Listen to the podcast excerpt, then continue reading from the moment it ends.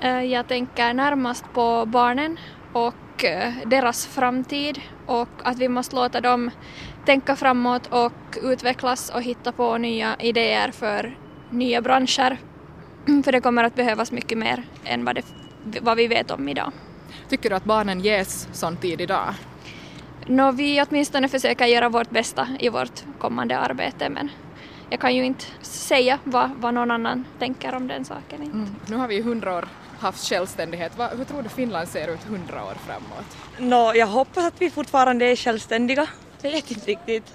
Alltså, Hurdana jobb tror du att det, det kommer att vara då? nå, jag tror ju fortfarande nog att man behöver skolor och lärare. Att det, på det viset, det tror jag nog att kommer att finnas kvar. Men säkert kommer branscher att ändras lite. Det kommer ju, helt klart ser man ju nu redan att det kommer mera robotar och sånt in. Men nu tror jag man behöver människorna också, att det kommer säkert att vara mer sida vid sida då, eller någonting sånt. Vad tror du om Finland som tvåspråkigt land då? Eh, Jag hoppas på att eh, Finland är tvåspråkigt och andra språk också är välkomna. Nå, jag tror ju nog att vi vinner på att hålla kvar tvåspråkigheten och att vi ska samarbeta mycket med Norden och hålla kvar det samarbetet. Det är viktigt för Finland och för att vi ska hållas på toppen eller som hållas, liksom, hålla vårt status eller så. Men säkert som Mia sa också så kommer det att komma in mera språk också och, och behöva bli mera fler språk också än bara två språk. Har Finland kanske till och med ett, ännu ett nationalspråk då? Eller?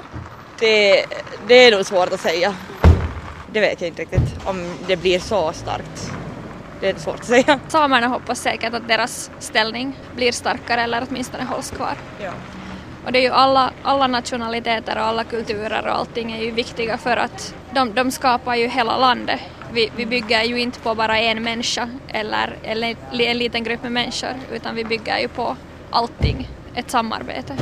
Ja, det har ju kommit mycket, alltså jag menar under de här hundra åren så har det ju kommit mer och mer kulturer till Finland om vi tänker bara de här senaste årens de här flyktingströmmarna som har kommit. Jag hoppas att det skulle bli mer kanske, både att finländare skulle vara mer öppna för dem men också att de tar emot vår kultur, att det skulle bli mera ett naturligt, jag vet inte, samarbete kanske inte rätt ord men en mer naturlig liksom Helhet. helhet, ja. Inne i akademin sitter språkbadslärarstuderande Mattias Tiro och ekonomistuderande Jan Schafter och äter en sen lunch.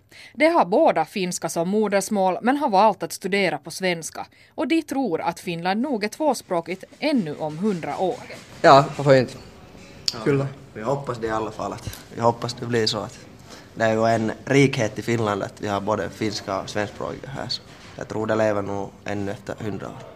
Och du som studerar till språkbadslärare, är språkbad det som Finland kommer att satsa på hundra år framåt? Ja, jag tror att det är jätteviktigt.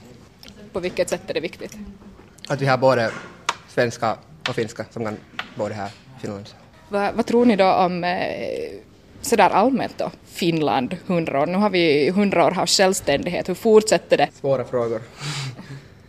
ja. Vad tror ni att det finns för jobb då framöver? Ja, svåra frågor nog vilken hänvinkel man ser på det men, men, men det blir ju allt mer hela tiden så här automatiserat och sånt så det kan hända att det blir lite vad heter ändringar i vad det finns för jobb i Finland och sånt men säkert största delen så vi får hoppas att vi har jobb till alla så det så. Nej, men du som studerar ekonomi då, vad tror du om Finlands ekonomi i hundra år framåt? No, vi hoppas att det får framåt och det är svårt att säga. Det är ju hela tiden mycket med ändringar som händer, händer i världen inom ekonomi men jag tror att Finland har nog starka och bra som perusteet till det så, jag vet inte vad det är på svenska. men- Grunder. Grunder, ja. Jag har nog en positiv utsikt, utsikt till Finlands framtid.